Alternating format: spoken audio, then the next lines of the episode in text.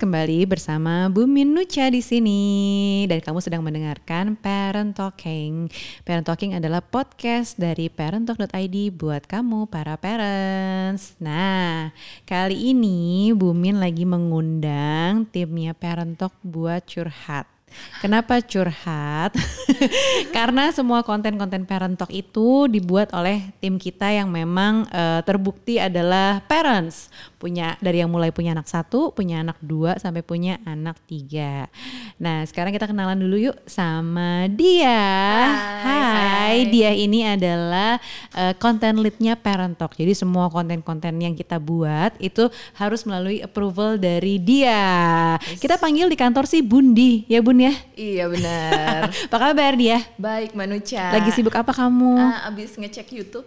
Abis So ngecek YouTube. so kerja di jadi jadi dia ini kerjaannya tuh ngecekin YouTube kita, bikinin konten video, terus udah gitu IGTV, konten-konten Instagram, sekarang semuanya pokoknya lewat dia gitu karena gue udah nggak sanggup lagi megangin semuanya. Jadi sekarang dialihkan ke dia. Oke dia. Dia ini adalah ibu dari tiga orang anak. Di boleh jelasin nggak sih kemarin-kemarin ini sebelum di parent talk ngapain aja sih? Ah, sebelum di Parent Talk itu dulu gue kerja jadi jurnalis di salah satu TV swasta. Oke. Selama kurang lebih hampir 4 tahun, 4 tahun kurang dikit, kurang sebulan ya kayaknya. Sebelumnya tapi emang lo basicnya seorang jurnalis Enggak, gue biasanya ke biologi. Melenceng jauh banget nih, dari biologi terus banget. jadi jurnalis. Iya, tapi gue tuh di akhir-akhir masa kuliah gue, gue sadar kayak gue gak cocok jadi peneliti. Oh gitu. Iya, gue sampai bilang ke dosen gue, Pak, saya mau jadi jurnalis. Gue langsung open kayak gitu kan ke Ah, pembimbing gue terus ya udah di Oh ya udah nggak apa-apa itu pilihan kamu. Terus dari dosen gue juga gue dapet link ke Trans 7 waktu itu. Oh malah malah membantu ya. Iya membantu banget. Dari situ baru akhirnya membuka jalan gue ke stasiun TV yang berikutnya kayak gitu. Oh gitu. Nah terus tapi lo menikmati kerja sebagai jurnalis? Sangat menikmati itu kayak itu kan pekerjaan pertama gue secara resmi ya habis iya, lulus kuliah dan momen-momen gue jadi jurnalis tuh one of the best moment in my life kayak gitu. Kenapa? karena banyak banget pengalaman yang gue dapet terus kayak bener oh ya emang ini pilihan gue gitu kayak gue menjalani apa yang gue pilih jadi gue walaupun kerjanya capek begadang lebih dari begadang malah kayaknya Oh, kadang gitu? iya kadang tuh gue misalnya ada live gitu ya harus bangun pagi kadang jam 3 pagi jam 4 pagi udah siap-siap berangkat baru Hmm. pulang tuh kayak di atas jam 10 malam baru sampai rumah dan Oh, itu bisa gitu. beberapa hari berturut-turut tapi gue enjoy aja Enjoy gitu. aja. Soalnya gue pernah denger dari ceritaan temen yang kerja di sebuah televisi swasta tuh kerjaannya gila banget. Kalau dibilang uh, working hours nggak ada karena emang lo sehari-hari ya udah di studio atau misalnya lo liputan kayak gitu. Iya, iya emang kayak gitu dan Menerjang badai menerjang gitu-gitu kan. badai, terus kayak yang naik pesawat ke pedalaman mana naik perahu kayak Oh gitu. lo pernah sampai melewati itu kayak ke Oh, daerah-daerah gitu? melewati, melewati. Tapi gue suka banget. Lo pernah gitu. ke daerah perang gitu gak sih? Daerah perang? Oh waktu itu Konflik kerusuhan gitu. iya di Papua waktu itu. Oh lo liputan ke sana? Pernah. Wih, apa rasanya? Deg-degan tapi excited. Excited banget. Oh gitu. Soalnya nggak kebayang ya. Tapi terus begitu lo resign itu begitu punya anak atau begitu nikah? Begitu punya anak. Begitu punya anak. punya anak. Oke, nikah nih ceritanya ya. Jadi eh, lo ketemu suami lo berarti di stasiun TV stasiun ya. TV juga. Gak jauh-jauh. Cinlok ya. Gak jauh-jauh emang gitu ya. Terus eh, nikah, abis itu gimana? Lo, lo, lo punya kesepakatan gak sih untuk tetap kerja atau lo sama-sama di TV yang sama apa gimana? Nah itu kita sepakat buat tetap di TV yang sama dan kita waktu itu satu divisi juga. Hmm. Ya ilah, nggak jauh-jauh. perusahaan gue baik banget waktu itu kita Oh, boleh, boleh. walaupun udah nikah itu masih tetap boleh asalkan nggak di program yang sama ceritanya. Oh, Kayak gitu. Baik juga Baik ya. juga. Jadi kita ya udah enjoy aja. Oh, Uh, um, terus udah gitu begitu lo ham- eh, apa namanya nikah langsung punya anak. mm-mm. Nah punya Nah, anak gimana? ini Ceritanya dong. Oh, drama ibu-ibu nih di sini dimulai. gimana, gimana, gimana, Jadi gimana? habis nikah itu gue masih ngelanjutin pekerjaan gue sebagai jurnalis uh, dokumenter waktu itu. Hmm. Jadi gue masih ke daerah-daerah. Jadi misalnya gue ke daerah mana, terus ntar besoknya uh, minggu berikutnya gantian suami gue kayak gitu. Itu sampai di nggak lama sih kayak 2-3 bulan kita nikah masih kayak gitu dan masih fine fine aja gitu sampai akhirnya gue tahu gue hamil jadi ini di luar rencana nih Oh, gitu. nyangka juga secepat itu kayak gue nikah Januari Maret udah Hamil? isi ternyata cepet banget. Udah gitu bukan cuma satu embrionya tapi ada Ada dua. Dua. Langsung ketahuan, wah ini kembar. Wow. seneng, Oh seneng, ya. lo emang seneng ya pengen Seneng. anak kem- punya anak kembar gitu seneng. Uh, nggak nyangka banget sih karena gue nggak ada Turunan. keturunan, kembar, suami Ah. gue juga nggak ada keturunan kembar, jadi kayak dari siapa ya gitu. Coba ya udah kita anggap ini rezeki gitu kan Iya ya. iya iya iya iya iya. iya. gitu. Terus udah gitu lo menjalani hamil itu baik-baik aja tuh. Hamil kembar gimana sih ceritanya? Gue gak kebayang soalnya. kebayang ya. Heeh, secara fisik gede banget gak sih Gede maksudnya? banget. Gede Ah, dulu banget gue ya? lebih ke mancung, mancung banget ke depan gitu loh kayak yang Oh. berat banget sama dokter gue juga disuruh pakai maternity belt buat nyangga. Nyangga. Apalagi pas udah hamilnya makin gede, makin gede. Orang-orang ngeliat, aduh gue ngeliat perut lo serem banget nih karena kan double ya gitu. Iya iya iya iya. iya. Tapi terus lo masih kayak ke daerah-daerah gitu ketika lo hamil enggak. besar? Udah nggak begitu gue udah ketahuan hamil ya gue Hmm. bilang ke tim gue lah kalau gue udah hamil nih kayak gitu. Akhirnya gue dipindahin ke program yang stay di kantor kayak gitu. Oh makanya ada komentar ini. Nah, eh, ya kalau yang stay di kantor gue ya udah gue udah nggak ke daerah-daerah lagi Oh. karena udah hamil kan jadi biar nggak beresiko apalagi kembar ya udah di kantor terus Lembur masih lembur? masih tapi nggak se wow waktu dulu zaman masih reporter ya Ah. waktu itu gue abis dipromosiin jadi junior produser jadi udah nggak Oh, agak jarang turun ke lapangannya jarang. kayak gitu Oke, terus abis itu setelah melahirkan apa yang terjadi kembar? itu gue wow nggak nyangka banget sih gue pas gue inget banget begitu abis lahiran si kembar kan gue sesar ya itu sore kan kayak masih nggak sadar ya kalau orang- orang sesar tuh kayak dibius Iya. pas udah sorenya sibuk belajar menyusuin terus kayak anjrit gue satu bayi aja gue belum bisa. Terus ini dua. terus ini dua gitu. Terus gue inget banget gue begadang sama suami gue ganti-gantian "Eh, bu ini anaknya ya yang satu. Terus ntar udah selesai satu ini saya bawa ke ruang bayi ya. Kayak baru istirahat 10 menit bu ini anaknya yang kedua ya. Itu sampai berjam-jam di hari pertama gue melahirkan gitu. Kayak aku capek banget kayak gue gak mau tidur gitu. Tapi di satu sisi gue juga kok bisa ya gue punya anak kembar? gitu. Kalau dipikir-pikir kan gue belum berharap punya anak kan. Habis nikah tuh gue masih pengen pacaran segala macem. Tapi oh ya gue berpikir positif Tuhan baik banget ya ngasih gue anak dua. Suami gue juga yang berusaha meyakinkan ya udah kita terima lah. Orang lain tuh pada berusaha banget loh buat punya anak. Ini kita dikasih kepercayaan Cewek cowok pula, iya ya cewek kan? cowok pula. Kayak gitu. Orang bisa harus berkali-kali hamil sampai akhirnya punya anak yang gender diinginkan. Misalnya gitu kayak misalnya kayak gue nih anaknya dua-duanya cewek kan. Terus kayak mungkin anak ketiga belum tentu laki juga sih. Siapa tahu cewek lagi. Habis itu kayak nyari lagi gitu kan. Iya. "Ah, hamil lagi deh mudah-mudahan anaknya laki gitu kan tapi lu ini ya eh, beruntung dan bersyukur punya anak langsung dua cewek cowok gitu Iya, kan. Dan iya lahir tuh tepat bulan maksudnya cukup bulan juga. Cukup bulan lebih satu hari malah. Makanya gue diputuskan buat sesar karena udah lewat dari HPL udah pengapuran plasenta air ketuban berkurang. Jadi biar nggak beresiko Oh, oke. ini kita besok sesar ya udah kayak gitu dokternya. Ada yang ini nggak sih menarik atau justru malah menantang pada saat lo hamil kembar? Eh, yang menarik itu ini setelah gue hamil dua kali ya gue comparing Oh, ya iya, iya, iya. Eh, Ha, yang setelah mana- compare. kalau yang pas hamil kembar itu kan kata orang harus makan banyak Iya. segala macam lu berat banget mual-mual bakal parah ternyata gue nggak mengalami itu gitu gue nggak nggak Oh. muntah-muntah bahkan nggak muntah sama sekali kayak gitu Hmm. gue makan ya normal-normal aja nggak kayak yang dibilangin orang kamu harus makan sekian banyak ada dua bayi loh di perut kamu kayak Enggak gitu ya? enggak uh-uh. Soalnya bayangan aku juga gitu kan, ini anaknya dua, berarti kan lo makan harus lebih banyak kalau misalnya kita mikir aja sih gitu. Iya. Ya nggak sih? Tapi enggak.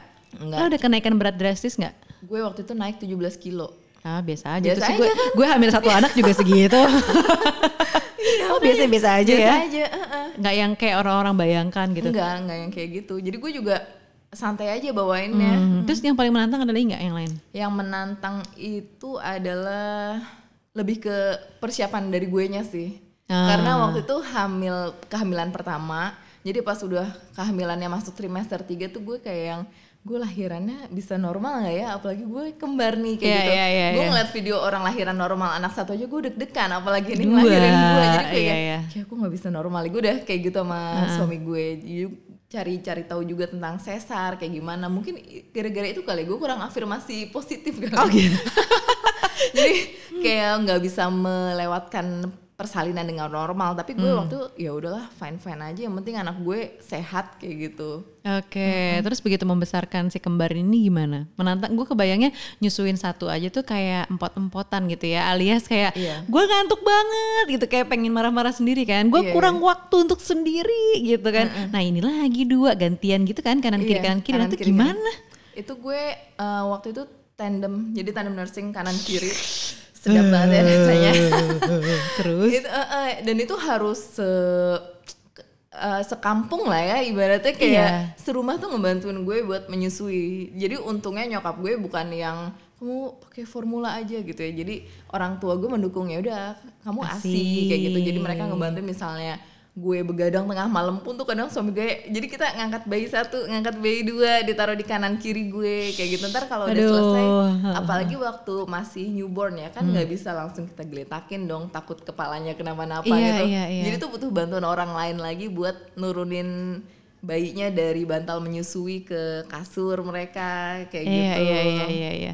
Terus udah gitu lo kalau misalnya tidurin anak-anak gimana tuh? Satu eh, kalau gue tuh terjadi sekarang kan punya dua anak terus nidurin satu, yang satu masih berisik nih, Iya, masih iya. ketawa-tawa masih masih ma- masih main gitu kan. Nah ini kalau dua-duanya bersamaan gimana? kalau dua-duanya bersamaan ya itu gue kadang gimana caranya biar dua-duanya sama-sama capek nih pas udah Hmm. jamnya tidur kayak gitu. Kalau enggak kadang kalau sekarang udah mulai ketahuan polanya nih. Udah makin gede iya, udah soalnya, makin gede. ya. Yang cowok biasanya udah lebih ngantuk duluan. Jadi kadang gue kalau emang baru satu gimana caranya salah satu udah harus tidur. Kalau dua-duanya nggak ada yang tidur ya mereka bakal main main main terus gitu loh kayak gue masih punya teman kok buat main kayak gitu. Jadi kadang gue kalau sekarang mereka udah besar kayak sorry ibu capek banget kalian main berdua ya kayak gue udah kayak gitu. Kalau dulu belum bisa. Iya kan kalau dulu belum bisa. Iya, kalau- yang satu nangis terus kalau misalnya satu kebangun, Mm, satu oh, ya, kebangun gitu kan. Satu. iya satu juga. kadang ikut kebangun juga tapi itu nggak selalu terjadi. Ini dia yang kadang kan orang-orang pada bilang kalau orang kembar tuh anak kembar satu nangis nangis dua-duanya ya. Satu sakit sakit dua-duanya ya. Ternyata itu nggak selalu terjadi kok. Tetap tergantung pribadi si anak ini masing-masing kayak gitu. Sakit pun tuh juga. Terus udah nih nggak jauh dari si kembar lahir, terus jeda berapa bulan, terus lo hamil lagi kan? iya Bu Nucha aja. Bu Nucha tau lah ya. Itu gue Jeda berapa bulan tuh? jeda 8 eh, mereka umur 18 bulan terus ternyata kok gue gak dapet ya aduh mulai Aduh cemas. ini cemas udah, Dan ini posisinya lo udah keluar ya, udah resign dari udah kantor. Hmm. resign dari kantor udah mulai di parent talk itu gue udah memutuskan kayak gue udah siap di kantor lagi kayak gitu ternyata ternyata gue hamil lagi Hmm. Oh gitu my god. Aduh. Terus nah ini gue ini gue nggak siap banget karena gue gue baru ibaratnya ini gue ke diri gue sendiri ya gue baru mau nafas nih gitu kok gue udah dikasih lagi ya kayak gitu gue ada rasa denial kayak gue nggak siap gitu gue bahkan nggak berani tes pack segala Hmm. macem udah gitu sampai akhirnya gue gue ingat banget gue baru ngapain gitu di parent talk terus gue pulang siang gue beli test pack tuh mbak di Citos Nah, terus? Waktu itu gue langsung ke toilet Citos gue gue gitu. Kayak dan itu gue buang hasil packnya karena kalau waktu si kembar gue simpen tuh karena kayak kenang-kenangan kan hamil kembar positif garis dua gue yang pertama kali. Kalau ini gue gue buang karena gue nggak siap kayak gitu. Sampai akhirnya gue bilang ke suami gue iya bener nih aku hamil gitu kan. Terus apa yang lo rasain waktu itu? gue sedih banget gue sedih banget. Kayak gue gue bilang ke suami gue gue nggak siap gue tuh masih pengen eh, menikmati jeda habis ngurusi kembar ini gue capek banget kayak gitu. Terus gue pengen menikmati masa-masa kerja yang baru lagi. Gue kayak baru mau mulai suatu babak baru nih. Udah mau mulai kerja setelah sekian lama resign habis lahiran si kembar kayak gitu. Tapi lagi-lagi suami gue yang udah tenang ya apa maksudnya bisa kita pasti bisa kok kayak gitu. Kalau kamu masih mau lanjut kerja ya kerja aja kayak gitu. Dia tetap support. Suami lo sportif banget ya, maksudnya alhamdulillah. punya anak kembar terus hamil lagi gitu kan. Kadang ya ada yang gimana lah gitu ya kan? Iya, gue inget bahkan waktu itu gue gak berani cerita ke nyokap gue.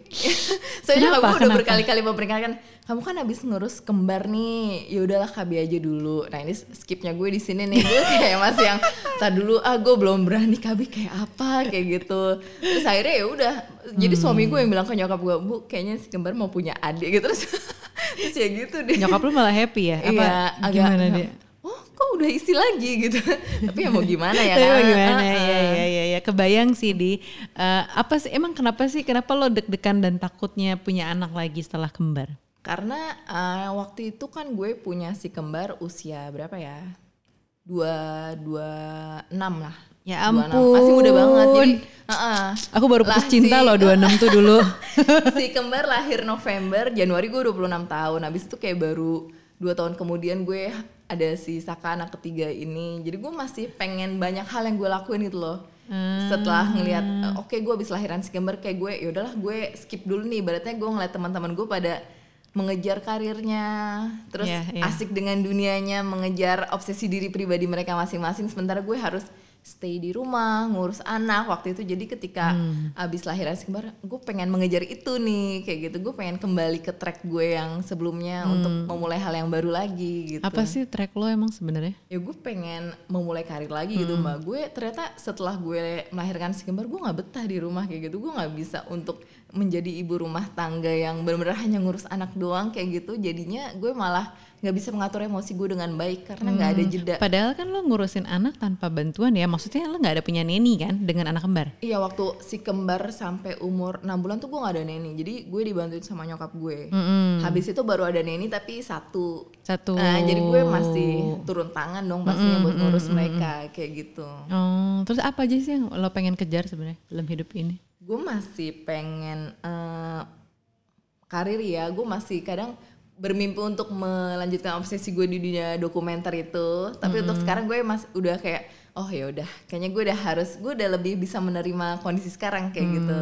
Ya udah sekarang gue ngerjain apa yang gue bisa dulu. Toh ini juga hal baru buat gue di dunia digital membuat konten parenting kayak gini gue belajar banyak hal juga. Dan itu jadi salah salah satu keuntungan kan buat gue yang sekarang seorang ibu banyak ilmu yang gue dapat di sini kayak gitu. Hmm, oke. Terus tapi eh, apa? Maksudnya lo sebagai ibu dengan tiga anak sekarang, secara waktu gimana di? Dua anak aja mungkin eh, lumayan ini ya, juggling gitu kan. Nah ini tiga. Kalau sekarang nih gue di rumah eh, karena gue masih tinggal sama orang tua ya mbak, jadi cukup banyak bala bantuan gue di rumah kayak gitu. Nah, jadi waktu itu pernah ada mbak tapi udah resign, jadi ya udah sekarang gue suami, nyokap, bokap, adik gue juga baik banget gitu. Jadi kadang gue masih bisa bagi waktunya di situ tuh, walaupun ada jam-jam di mana gue emang bener-bener ngurus mereka banget. Kayak misalkan gue bangun tidur Uh, Kalau mereka belum bangun, gue langsung mandi, bikinin sarapan buat mereka kayak gitu. Terus habis itu mereka bangun satu persatu kan, mandiin satu-satu, ganti-gantian, siapin sarapannya ganti-gantian kayak gitu. Mungkin kalau orang lain bayangin kayak lelah banget gitu ya. Cuman kalau sekarang gue udah uh, patternnya udah mulai dapet nih. Cuman kadang itu nggak selalu berjalan lancar ya kan. Iya. Kadang ada aja anak-anak gue udah prepare nih oke gue udah mandi gue udah bikin sarapan ntar gue mau berangkat kantor jam sekian eh ternyata ada yang bangunnya kesiangan atau yang satu mau diajak mandi satu nggak mau jadi kayak ngebujuk mereka dulu kadang hal-hal yang di luar ekspektasi kita gini nih yang membuat Iya. manajemen waktunya agak berantakan. Berantakan. itu emang masih struggling banget sih gue Terus kalau misalnya kayak anak sakit gitu, itu nular nggak sih dari satu ke anak ketiga? nular nular banget apalagi si bayi kan masih namanya masih bayi masih rentan Berapa bulan? ya. Berapa bulan Saka? sekarang dia 11 bulan Oh udah mau setahun ya? Udah mau setahun, Nah, Terus gimana? Kalau sekarang itu dia nular-nular masih sih mbak, emang gitu banget. Emang masih gitu banget ya, Masih. masih nular. Terus kayak misalnya nih, uh, jadi apa ya, struggling juga nggak sih untuk ini kan vaksin anak yang uh, satu dua nih bari, berarti masih ba- mau ti eh baru tiga kan, Iya, baru baru tiga tahun. Terus Saka mau satu tahun, terus vaksin, terus sakit ke dokter, kayak gitu-gitu, perintilan-perintilan Iya, seperti itu, perintilan-perintilan gitu. Itu ya gue sama suami bareng-bareng sih. Gitu ya? Iya, kalau nggak kayak gitu ya gimana lagi? Tapi di enjoy aja sih Mbak Nuca. Soalnya kalau gue bikin Hmm. pusing itu kayak bener-bener nggak kayak nggak kebayang kayaknya kayak gue nggak sanggup deh. Tapi ya udah dijalanin aja dan kadang tuh emang harus di list misalnya ini jadwal vaksinasi Saka nih atau misalnya si kembar ini kita ajak ke sini kayak gitu sama pengaturan waktunya itu juga kalau untuk waktu me time ini gue kayak masih agak merelakan. Waktu untuk me Oh, time yang gitu. bener-bener gue keluar sendiri gitu masih jarang banget. Cuman kadang gue nyempil nyempilin misalnya habis pulang kerja nih gue nggak langsung pulang ke rumah. Kayak gue ke mana dulu entah itu sekedar grocery shopping kayak gitu belanja kebutuhan itu kayak udah jadi jeda buat gue buat Bener sih. ada jarak sama anak-anak. Iya, nggak iya, langsung intens dari kerja ngurus anak itu kan kayaknya capek banget gitu kayak Iya. otak kita belum ada istirahatnya jadi Kebayang hal-hal sih. kayak gitu atau sekedar kayak misalnya mandi gitu ya udah gue bener-bener mandi yang 10-15 menit tapi bener gue nikmatin kayak pakai sabun yang bisa bikin gue relax atau sekedar Dilama-lamain kayak Ah, iklan gitu ya. pakai conditioner pokoknya gimana caranya biar gue relax kayak gitu Oke, tapi berarti lo artinya eh, pacaran sama suami gimana? Pergi-pergi gitu Nah, pacaran gimana? sama ini yang kita masih PR manusia masih belajar dari manusia sama Mas Aryo soalnya eh, karena ini dilemanya masih tinggal sama orang tua juga sih ini jadi agak melenceng dikit saya kan Iya, nggak apa-apa. eh, eh, karena kalau mungkin kalau orang yang udah tinggal sendiri mau dititipin anak ke orang tua orang tua kita fine fine aja tuh Karena jarang ketemu. kalau Iya, yang ini kan benar. kayak sehari-hari juga udah sama orang tua gue kalau di daycare juga pulang ketemu lagi sama Iya. kakek neneknya pulang dari daycare jadi kit- uh, gue sama suami masih nggak tega gitu Hmm. pernah juga waktu itu kita sekali uh, kita pergi di hari biasa bilangnya gue ada kerjaan Hmm. Iya. sebenarnya juga, juga ada kerjaan Biar kayak kerja gitu iya, ya. kerja kalau kayak gitu kan kayak masih Nggak apa-apa lah ya ya. keluar tuh urusan Nah, kerja iya, padahal iya, asli iya. kita nonton kayak gitu tapi kalau nggak kayak gitu ya nggak bisa Jadi lo mencuri-curi waktu ya untuk bisa pacaran sama Iya. suami lo gitu ya? Mm, sama pilotox yang paling bisa dimanfaatin tuh ya oh pasti iya, itu lo tapi bisa masih bisa pilotox nih dengan tiga anak. Sesekali, Lo tidur, lo masih co-sleeping kan? masih co-sleeping Nah itu lo bisa tuh ngobrol. Sesekali masih bisa. Soalnya kadang anak-anak tuh apalagi ya Allah manusia anak tiga ya. Ini apalagi si bayi ini dia udah mulai mau main. Jadi kayak Iya. Pokoknya kalau belum ada satu dua yang tidur itu nggak akan tidur sampai jam 10 Iya. 11 malam Nah, kayak itu. nah, kebayang, Iya, kebayang. itu jadi kadang kitanya sendiri udah capek Udah tidur kan abis mereka. itu. Iya, itu PR. Makanya gue tanya lagi tadi tuh bisa pilotox. Karena gue tuh anak dua aja nggak bisa pilotox. Iya, Terus sekarang jarang. si kakak udah udah tidur pisah dari kita. Tetap aja pilotox tuh gue tidur, Tidur. karena gue udah Udah capek, capek. seharian. Iya. Jadi sebenarnya yang salah bukan karena tidur anak-anak tidur dengan kita, tapi gue nya aja udah ngantuk terlalu capek. gitu, udah terlalu capek gitu. Oke, jadi lo memang menyempatkan eh, dengan tiga anak lo menyempatkan untuk pilotox disempet-sempetin sama kabur dari anak yang lo ngaku-ngakunya mm, kerja, Kerja, gitu iya. ya padahal padahal mama itu nonton ya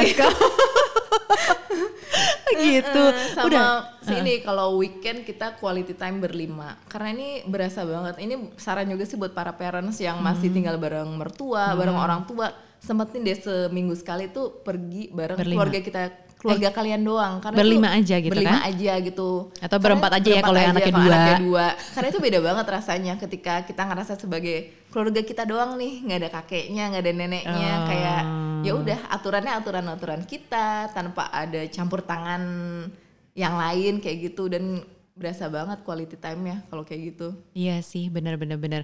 Kalau gue justru jadi kebalik karena misal karena gue tinggalnya terpisah dari orang tua gue, jadi kalau misal weekend ya kita mau nggak mau ketemu mertua lah, ketemu orang tua gue lah, yang kayak gitu-gitu. Iya. Karena emang kita kan terpisah gitu. Nah terus kalau misal dari lo sendiri nih, eh, pernah nggak sih merasa bersalah sama anak, sama anak-anak? Pernah, pernah banget. Apalagi ketika gue udah capek, Mhm. terus emosi gue gampang kepantik kayak gitu loh, kayak ngeliat yang satu atau misalkan gue udah oke habis kayak yang tadi gue bilang kayak gue udah menyiapkan A B C urutannya Mhm. biar sesuai sama prioritas gue kepentingan gue tapi ternyata kondisinya tidak seperti itu nah kayak yang kayak gitu tuh terus terus gue emosi ya udah merasa bersalahnya tuh di situ sama kalau si kembar itu ketika gue bersikap adil. Ini gue masih PR banget sih. Dan itu satu hal juga yang ketika gue lahiran si kembar malam-malam itu langsung eh kita harus adil nih. Soalnya kita dikasih langsung dua kan. Jadi kayak takutnya yang satu merasa kurang yang satunya lagi kita kasih perhatiannya lebih. Kan itu itu yang bikin gue merasa bersalah sebagai orang tua tuh kalau kayak gitu. Pembagian perhatiannya ke anak. Itu PR banget sih rasanya Kan lo sebenarnya terbilang muda sekali ya punya Hmm. anak tiga nih. Yang sat, yang satu nih sepaket kembar ya kan. Terus nggak lama dapat satu lagi ya kan. Eh, lo punya anak tiga di bawah umur 30 tahun.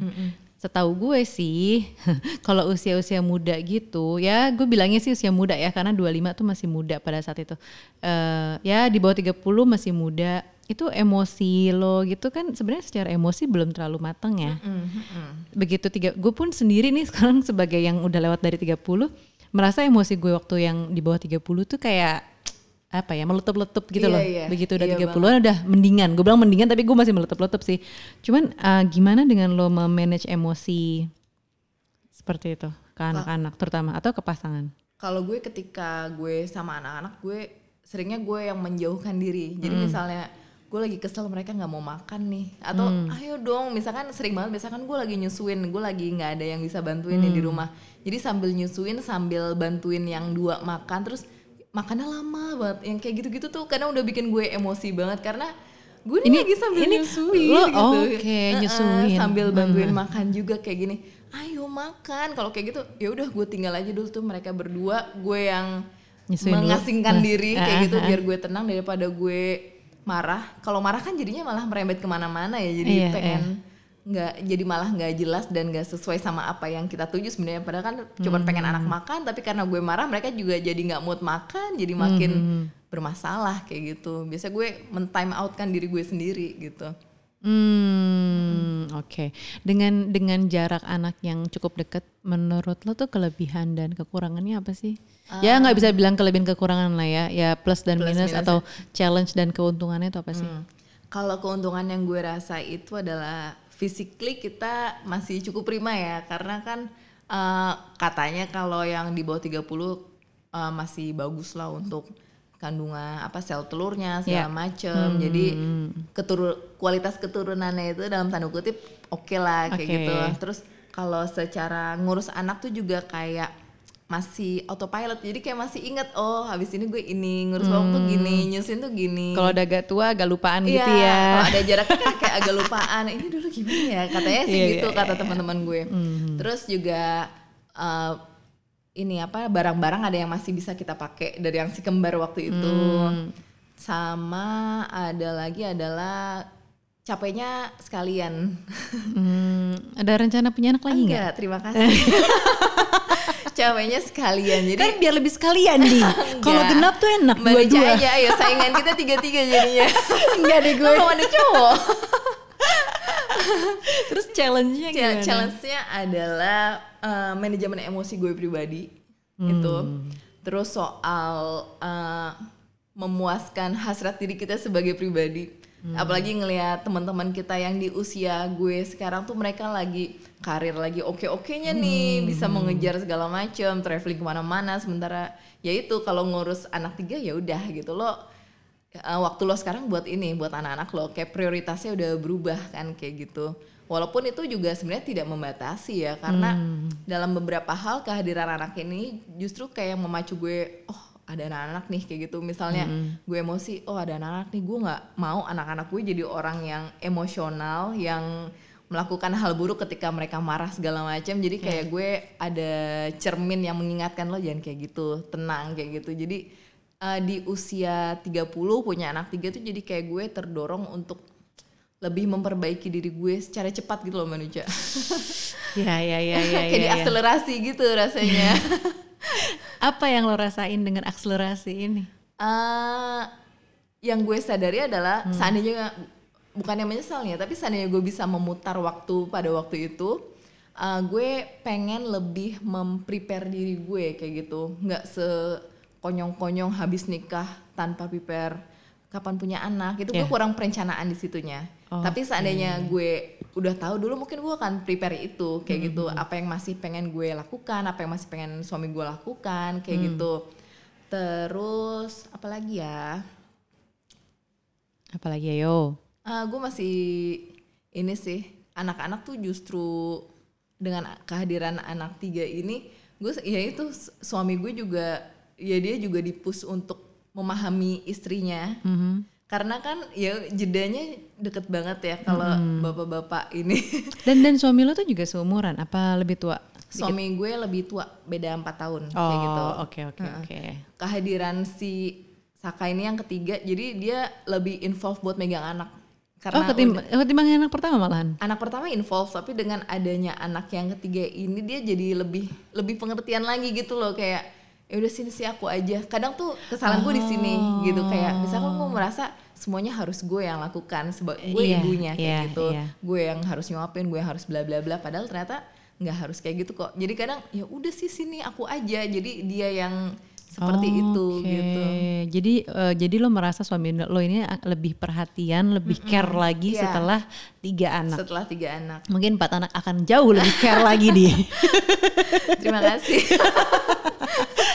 gitu ya. Terus kalau secara apa nih? Kalau tiga anak ya, belum kebayang gimana sih em, anak-anak sekolah kan bentar lagi. Persiapan finansial seperti apa di? Persiapan finansial gue belajar investasi. Selain yang waktu itu kita belajar bareng-bareng gue Iya. mem- ya karena itu sih jadi belajar dari media sosial dari uh, financial planner kayak gitu. Karena punya anak tiga dan gue nggak mau terlambat gitu gue nggak mau salah langkah nggak merencanakan dari sekarang. Jadi gue waktu itu belajar di sekolah apa sih sekolah saham yang di Iya, IDX iya, iya, itu. IDX. di situ jadi gue em, mulai mencoba untuk investasi karena ya pasti semua orang tuh pengen dong anaknya dapet yang terbaik sekolah Iya. terbaik segala macam kayak gitu bareng-bareng sama suami gue juga dan ngatur keuangannya tuh emang PR banget ya ternyata ini termasuk hal kecil kayak waktu udah ketahuan hamil nih Oke, ini sebelum 2 tahun anak-anak udah harus kita potty training. Gue nggak mau beli pampers banyak-banyak, nggak mau beli diaper banyak-banyak kayak Iya, gitu. Hal-hal yang kayak gitu tuh udah kepikir, kayak gitu. Kepikir. heeh. Nah ini si kembar udah udah potty training loh, udah udah tiga dari tahun. dari sebelum adiknya lahir tuh udah Udah lo potty udah training. nggak pakai diaper Soalnya langsung dua Iya, gitu ya. Berarti kan diapernya dua kali lipat. Iya terus berarti yang kecil juga akan lo train seperti itu kurang Iya. lebih potty trainnya ya sebelum dua tahun udah lah oh gitu. sama ini juga yang biasanya disuka dikomentarin saudara dan keluarga itu adalah Hmm. anak-anak kita yang lahir duluan itu si kembar tuh lebih perhatian ke adiknya dan lebih bisa di kita mintain tolong. Jadi kemandirian mereka tuh juga ditubuhkan gitu loh dengan adanya si adik ini. Oh gitu. Hmm, gue iya. Oh iya juga ya. Itu salah satu hal yang gue syukuri gitu. Kayak misalnya "Eh, Naren tolong dong ambilin botol adiknya. Kayak gitu. Anak gue tuh mau kayak gitu dimintain tolong kayak gitu. Atau serunya tuh ya kayak gitu mbak. Ketika ngeliat anak-anak tiga kecil-kecil itu pada main bareng ket- ketawa-tawa bareng yang wah itu salah satu hal yang bikin gue seneng walaupun capek gitu ya cuman yang gue nikmatin tuh itu gitu mereka juga yang bisa membuat gue bahagia lewat hal kecil ketawa bareng sama mereka main bareng sama mereka kayak gitu Oke gitu. Oke.